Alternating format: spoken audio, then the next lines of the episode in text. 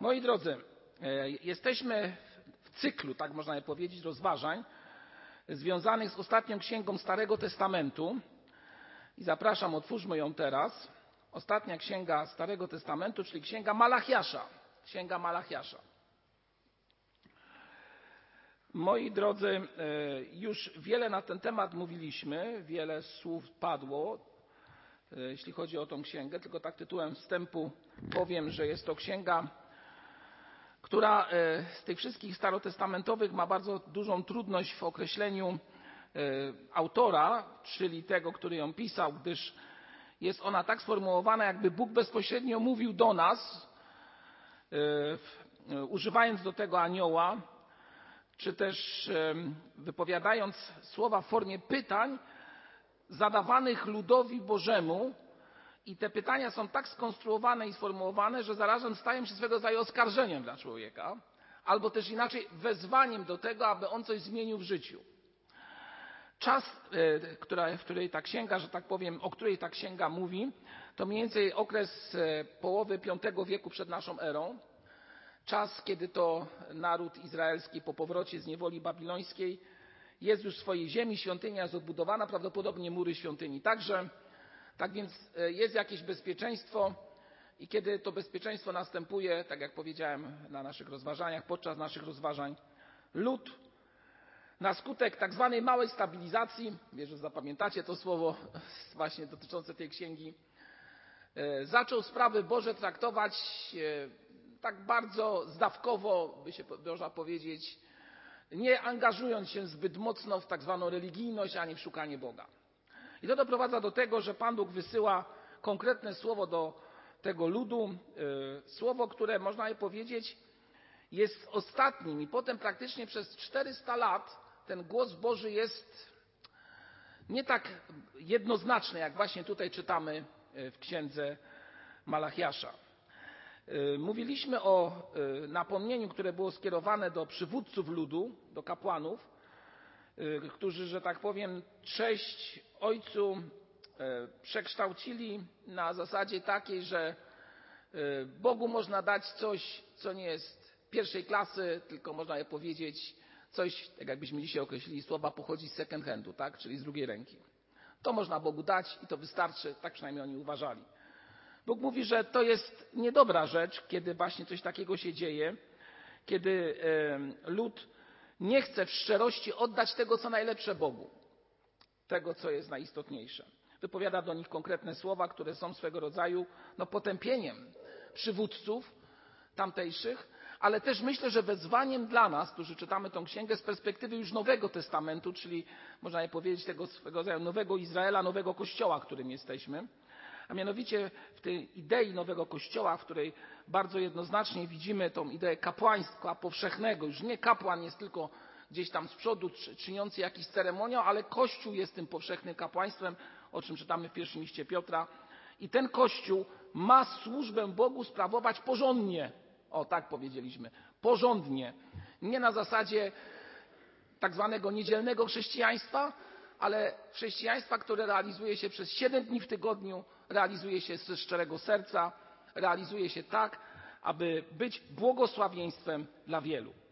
Dziś jeszcze jednak e, w nawiązaniu do tego, o czym mówiliśmy wcześniej, przeczytam e, fragment, który będzie takim swego rodzaju tematem, mottem naszego dzisiejszego, może, może bardziej mottem naszego dzisiejszego rozważania. A więc Księga Malachiasza, rozdział drugi, wiersz dziesiąty. Rozdział drugi, wiersz dziesiąty. Czytamy tam kolejne pytania, które stawia Bóg. Czy nie mamy wszyscy jednego Ojca? Czy nie jeden Bóg nas stworzył?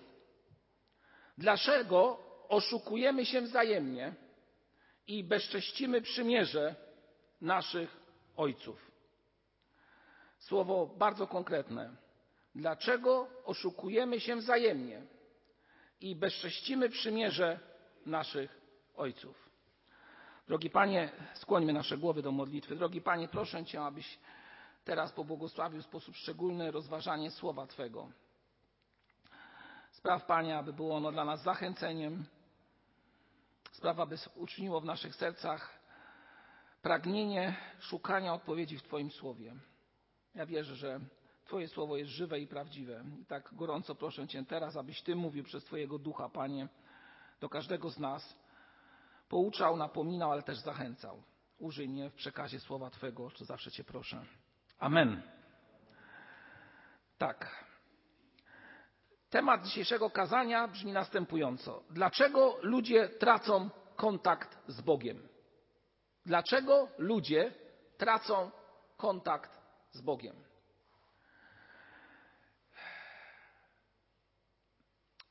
Zanim zacznę rozważanie, chciałbym zadać Wam pytanie, które jest bardzo osobistym pytaniem, drodzy zebrani, a mianowicie, czy jest w Twoim i moim życiu jakiś grzech świadomie popełniony, który jest ciągle i trwa i nie chcemy się z nim rozprawić. Nie chcemy go usunąć z naszego życia. Tylko pozwalamy albo ulegamy jemu i jest on jak gdyby częścią naszego życia i w pewnym momencie stał on się już grzechem, który jak gdyby nie obciąża mojego sumienia, gdyż przyzwyczaiłem się do niego. Trwam w tym, przyzwyczaiłem się, jestem. Przykład. Jest wiele oszustw, które na przykład człowiek może w życiu popełnić i użyć takiego stwierdzenia. No przecież wszyscy tak robią. No przecież, przecież wszyscy zachowują się podobnie. Więc dlaczego ja mam być jakimś człowiekiem wyróżniającym się w tej sprawie?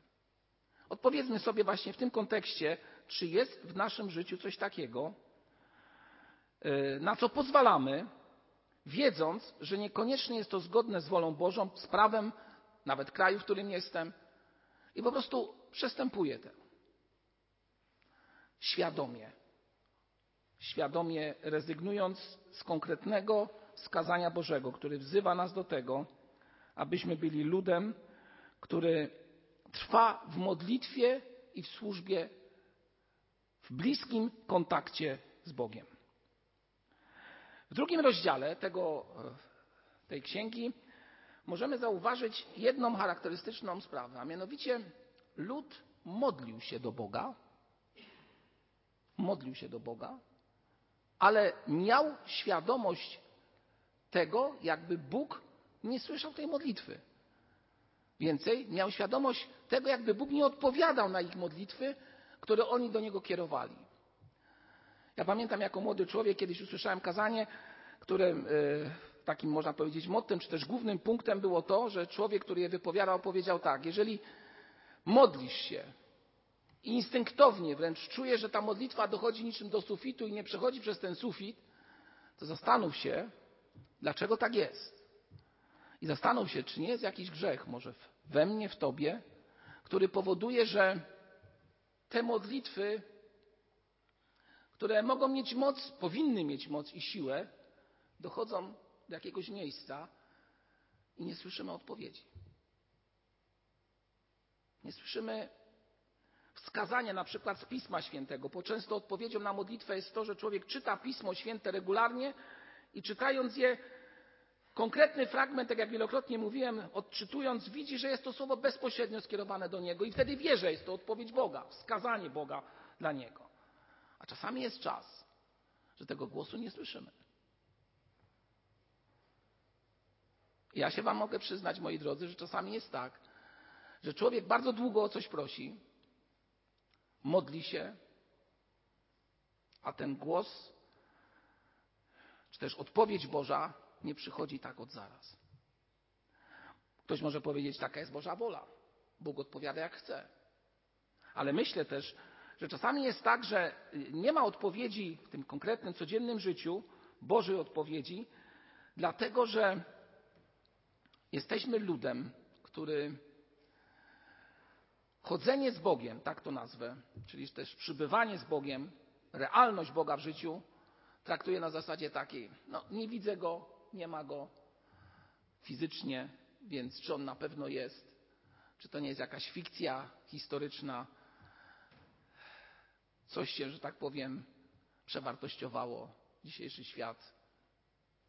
Jakoś nie pasuje do tego modelu, który jeszcze był tam 150 lat temu, w XIX wieku choćby nawet. Ale czy faktycznie tak jest?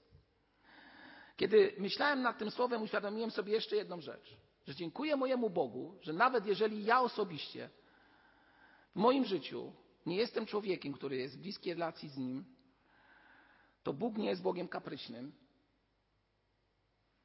I powie tak, nagle kiedy zaczynasz do Niego wołać, to On powie, a dwa dni temu byłeś kiepski, to ja dzisiaj nie odpowiem na Twoją modlitwę. Nie, Bóg tak nie działa, moi drodzy.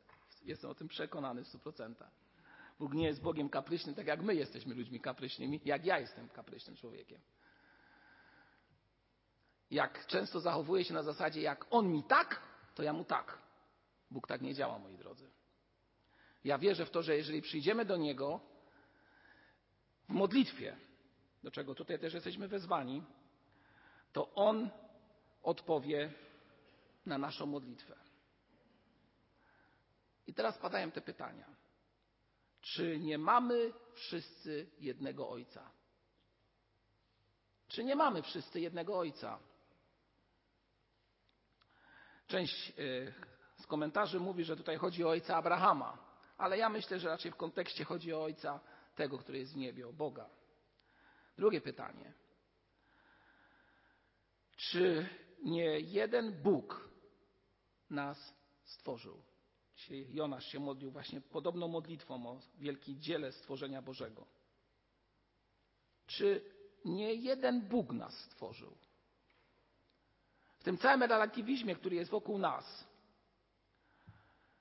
w tak zwanym formalizmie związanym z chrześcijaństwem, formalizm związany z tym, że jesteśmy ludem historycznie obciążonych chrześcijaństwem, historycznie można je powiedzieć w tysiącletniej historii państwa polskiego, a także może w tym ostatnim czasie, jesteśmy wręcz obciążeni tym chrześcijańskim spojrzeniem na pewne życie, pewne sprawy. Powoduje to, że wkrada się formalizm do życia człowieka, czy też już się wkradł.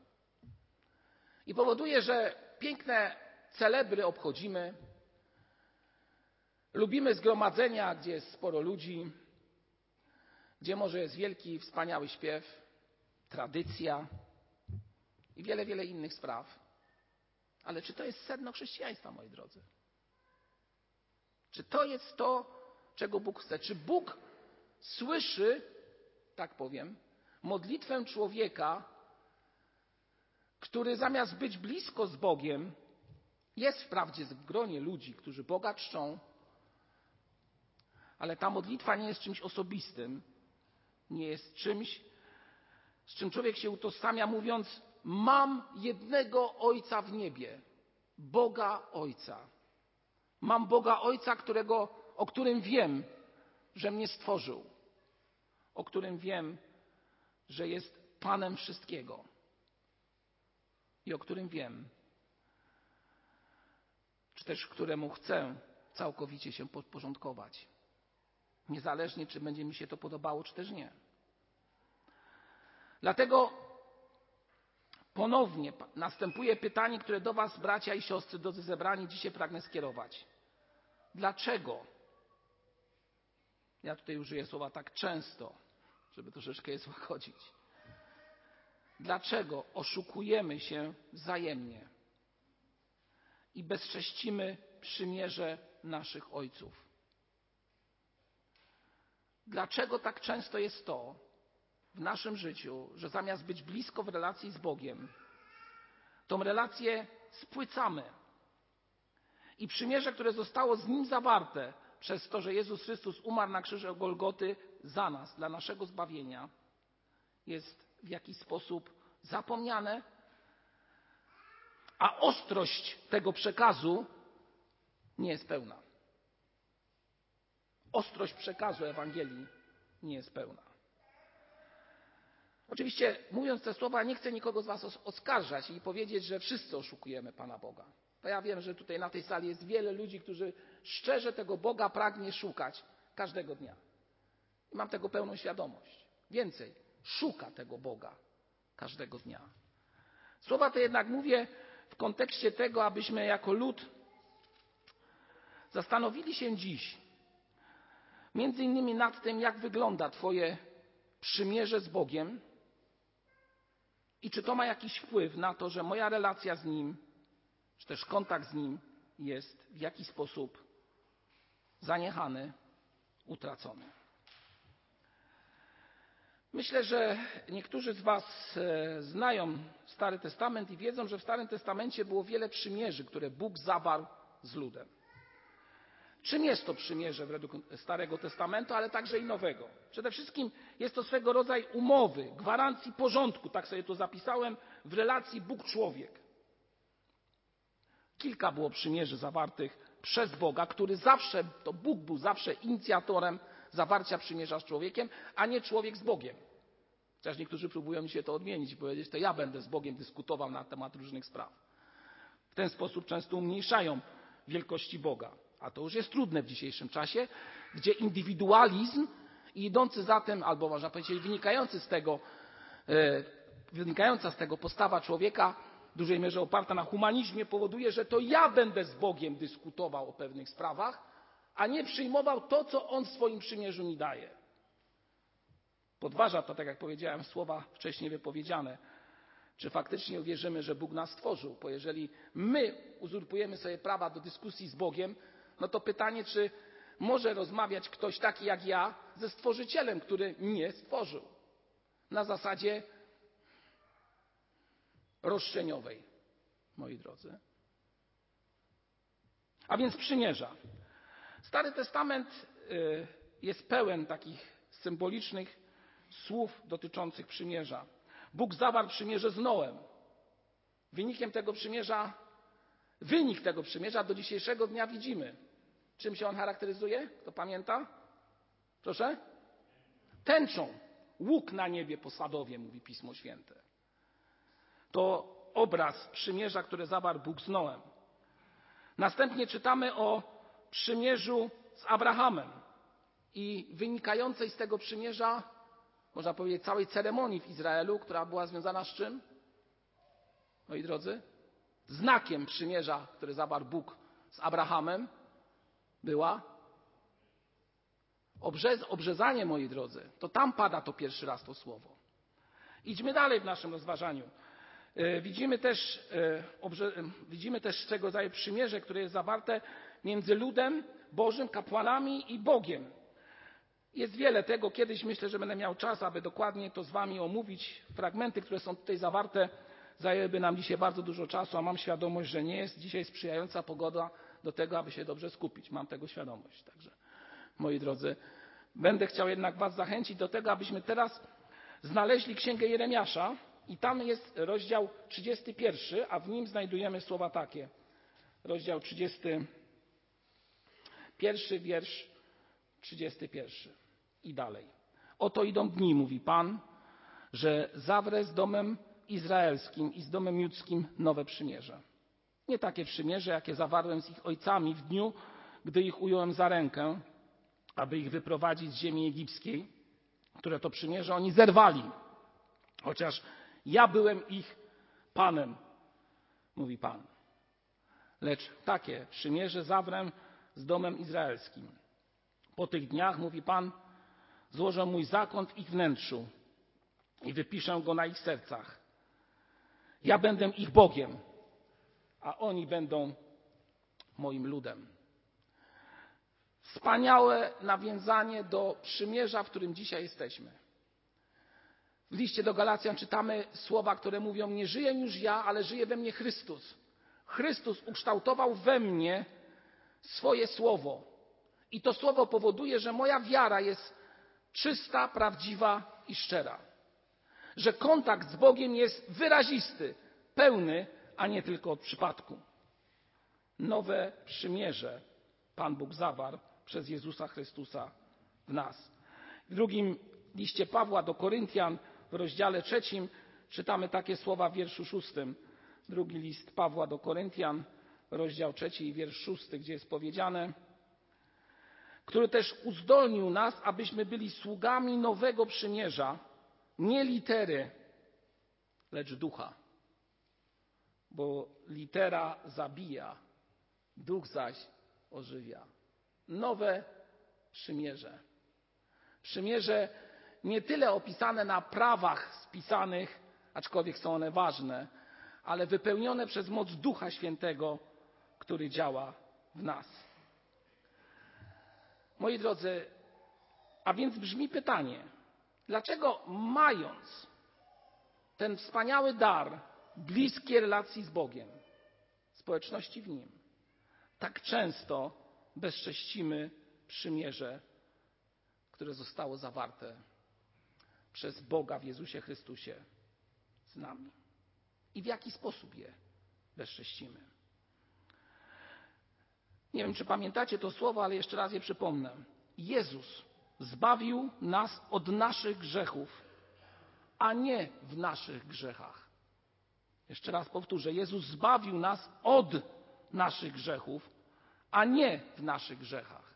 A więc chodzenie z Bogiem to nie chodzenie w ciągłym grzechu, lecz w pozbywaniu się go, odchodzenie od niego. Nie można tolerować grzechu w naszym życiu. Nie można dopuszczać do tego, aby grzech był w nas i ja się z tym zgadzam. Ten grzech tak zwany świadomy, od którego rozpocząłem dzisiejsze rozważanie. Ja toleruję coś takiego, że to jest we mnie i to może być. Daję przyzwolenie temu. Myślę, że jednym z przyczyn tego, że lud izraelski tracił kontakt z Bogiem, było to, że przyzwalali na wiele spraw, które się Bogu nie podobały. Między innymi czytamy w dziewiątym wierszu, że byli ludźmi stronniczymi. Po drugie, czytamy o tym e, w następnych fragmentach i o tym będziemy mówić za dwa tygodnie. Pozwalali na to, aby wchodzić w związki małżeńskie z innymi, tutaj mówi się konkretnie o kobietach, z innymi kobietami z innych plemion. I tu nie chodzi o jakiś rasizm, tylko chodzi o kwestię tego, że Bóg nie chciał, aby lud łączył się z innym człowiekiem, który nie wyznaje Boga Jahwe. A oni to robili. Więcej, lud ten w tych czasach zaczął jeszcze jedną praktykę, która jest prawie że dzisiaj powszechna.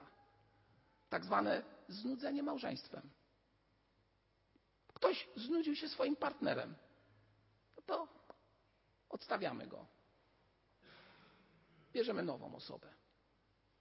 To były trzy realne grzechy, które są wymienione w tym drugim rozdziale, o czym będziemy mówić dokładniej. Lud zaczął bezcześcić przymierze Boże. A jak dzisiaj może to wyglądać?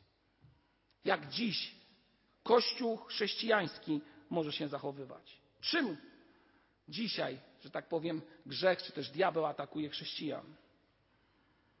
Przede wszystkim, tak jak powiedziałem, tym, że nie troszczymy się o to, aby zachować czystość przed Bogiem. Nie troszczymy się, aby pozbyć się z pewnych spraw, które są w nas od jakiegoś czasu od jakiegoś dłuższego czasu dajemy przyzwolenie na różne sprawy związane, nie wiem, z tak zwaną codziennością. Czy mam wymieniać te sprawy, czy każdy z Was myślę, że wie? Niektóre z nich mogę powiedzieć, które aż cisną się na usta. Począwszy od kwestii podatkowych, przez grzech oczu, a jeszcze bardziej powszechny grzech, który panuje, charakterystyczny dla praktycznie każdego człowieka, ale dla Polaków szczególnie, mianowicie grzech związany z naszymi ustami. I więc wręcz lubość w tym, że tak, takiego słowa użyję, w omawianiu drugiej osoby. No, odpowiedzmy sobie dzisiaj szczerze, teraz. Zwróćmy nasz, nasze oczy nasze myśli na ostatni tydzień. I odpowiedzmy sobie szczerze, czy w ostatnim tygodniu z kimś nie omawiałem drugiej osoby. Widzę, że niektórzy nie omawiali. Ale wiem, że niektórzy omawiali. Żalimy się na drugich, że coś nam zrobili, że są nam nieposłuszni, że i tak dalej, i tak dalej. Oceniamy drugich. No przecież mam prawo ocenić. Albo jak ktoś powiedział, no bracie, no bracie, no, no ale o czym tu gadać na spotkaniu towarzyskim, no? No o czym tu rozmawiać?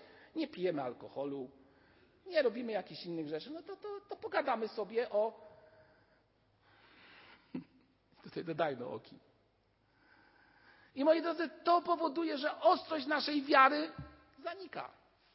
Dlatego, że konsekwencją takich rozmów, moi drodzy, bardzo często, wiecie co jest? Gorycz w sercu. Gorycz w sercu. Gorycz, która charakteryzuje się tym, a ci wszyscy wokół mnie, to chrześcijaństwo to w ogóle taki zbór. Jaki zbór? Diabeł już dalej dopowie wszystkie sprawy. Gorycz. Wystarczy, że dasz przyzwolenie do tego. Ja nie mówię, że ja jestem od tego wolny, moi drodzy, żebyście nie myśleli. I robię wszystko, aby tego nie było. Ale nie wiem, jak to jest, że to ciągle wraca. No ciągle wraca, no. Już normalnie bym wziął jak w średniowieczu i biczował swoje ciało, ale to nie ta droga, moi drodzy. No. To nie jest ta droga, dlatego wzywam Was i siebie. Spróbujmy się z tym, że tak powiem, jakoś mówiąc językiem młodzieżowym, ogarnąć, bo trudna sprawa się dzieje w chrześcijaństwie. A gdy gorycz potęguje, niszczy całą relację z Bogiem. I to jest dzisiejsza sprawa, która powoduje, że bezcześcimy przymierze. A wiecie dlaczego je bezcześcimy? Dlatego, że jest jedna charakterystyczna sprawa, o której zapominamy. Moi drodzy, chcę Wam powiedzieć w tym miejscu bardzo jednoznacznie: Jezus Chrystus umarł za Twojego największego wroga. Czy to możliwe? Że Jezus Chrystus umarł na krzyżu Golgoty za Twojego największego wroga, za mojego największego wroga, o którym myślę, że źle mi czyni, działa przeciwko mnie i tak dalej, i tak dalej. Dlatego niemniej Tobie bezcześcić przymierze, które zawarłeś z Jezusem Chrystusem, przez to, że obmawiasz tego, który jest stworzeniem Bożym, za którego umarł Jezus Chrystus. Gorycz w stosunku do innych chrześcijan może być przyczyną grzechu, który niszczy chrześcijanina dzisiaj. Ta gorycz przejawia się także w błędnej ocenie, którą bardzo często sądzimy na przykład innych ludzi w zborze. Tak zwana skłonność do bycia stronniczym. O tym czytamy w dziewiątym wierszu, gdzie jest powiedziane, gdyż nie trzymacie się moich dróg i jesteście stronniczy przy stosowaniu zakonu. Co to znaczy? Mam pewne poznanie, mam pewne zrozumienie i moje zrozumienie jest najlepsze, a więc z mojej perspektywy będę osądzał brata, a ten brat na przykład może mieć inne spojrzenie. I co wtedy? To moje jest ważniejsze, czy jego jest ważniejsze? A może on ma większe objawienie niż ja, ale ja uważam, że jednak moje jest najważniejsze. I wtedy staje się człowiekiem stronniczym, a to się Bogu nie podoba. W książce, którą Wam już reklamowałem, która mówi o księdze Malachiasza, jest w naszym kiosku wreszcie. Tam znalazłem taki opis, który, nie wiem, zobaczę jak zareagujecie, gdy Wam go przedstawię. Mianowicie w pewnym obozie jenieckim w 1941 roku, gdzie przebywali oficerowie niemieccy, przepraszam, oficerowie francuscy i belgijscy pod oczywiście panowaniem niemieckim, którzy ich do tego obozu wsadzili, tak można powiedzieć. W pewnym momencie padło ze słów oprawców, czyli Niemców, faszystów właściwie, stwierdzenie, no to zachęcamy was do współpracy. I powiedzieli to bardzo oficjalnie. Ktoś powiedział, no dziwnie się zachowali, bo taka raczej praktyka nie była, to bardziej indywidualnie kogoś chciano namówić do współpracy. Ale oni tak zareagowali, przynajmniej tak w tej książce jest to opisane. Jaki, jaka była reakcja żołnierzy francuskich i belgijskich? No myślę, że każdy by się tak zachował. Honor nam nie pozwala. No jak to możemy współpracować z okupantem? Krzyk się rozległ, gwizdy na takie victum atectum, tak to się daje się mówiło, tak? U Fredry. Dobrze, zostawmy. A więc wszyscy krzyczeli, że nie chcą tego. Po jakimś czasie ponowiono ten problem. Znowu złożono ofertę, ale wzbogaconą o jakieś tam dodatkowe rzeczy. Za trzecim razem, kiedy to uczyniono, pewien Francuz, tak, to w tej historii jest opisane, powiedział, że on się zgadza. I wszyscy oni mieli. No jak to? On się zgadza, żeby współpracować z okupantem. No to przecież nie do. Gwizdy. Ty taki, ty to, zaraz wiecie, jak ty, jak ty zdradzasz. rozumiemy reakcję typową dla ludzi w tamtejszym czasie. I tutaj teraz przeczytam, co zostało powiedziane. Ten człowiek przy gwizdach i okrzykach swoich francuskich oficerów powiedział: Wolałbym pracować dla dwudziestu Niemców niż dla jednego Francuza. Gwizdy były jeszcze głośniejsze. Nastąpił pomruk, jak czytamy w tej książce. Na koniec, kiedy już wszystko ucichło i kiedy już go wszyscy potępili i osądzili od czci od chwały, jeden z tych oficerów podszedł do niego i mówi, ale powiedz mi, co było motywem, że powiedziałeś tak głośno te słowa? A on mówi, wiesz co, moim faktycznym zawodem jest, jak myślicie co? Kiedy byłem w cywilu, byłem grabarzem.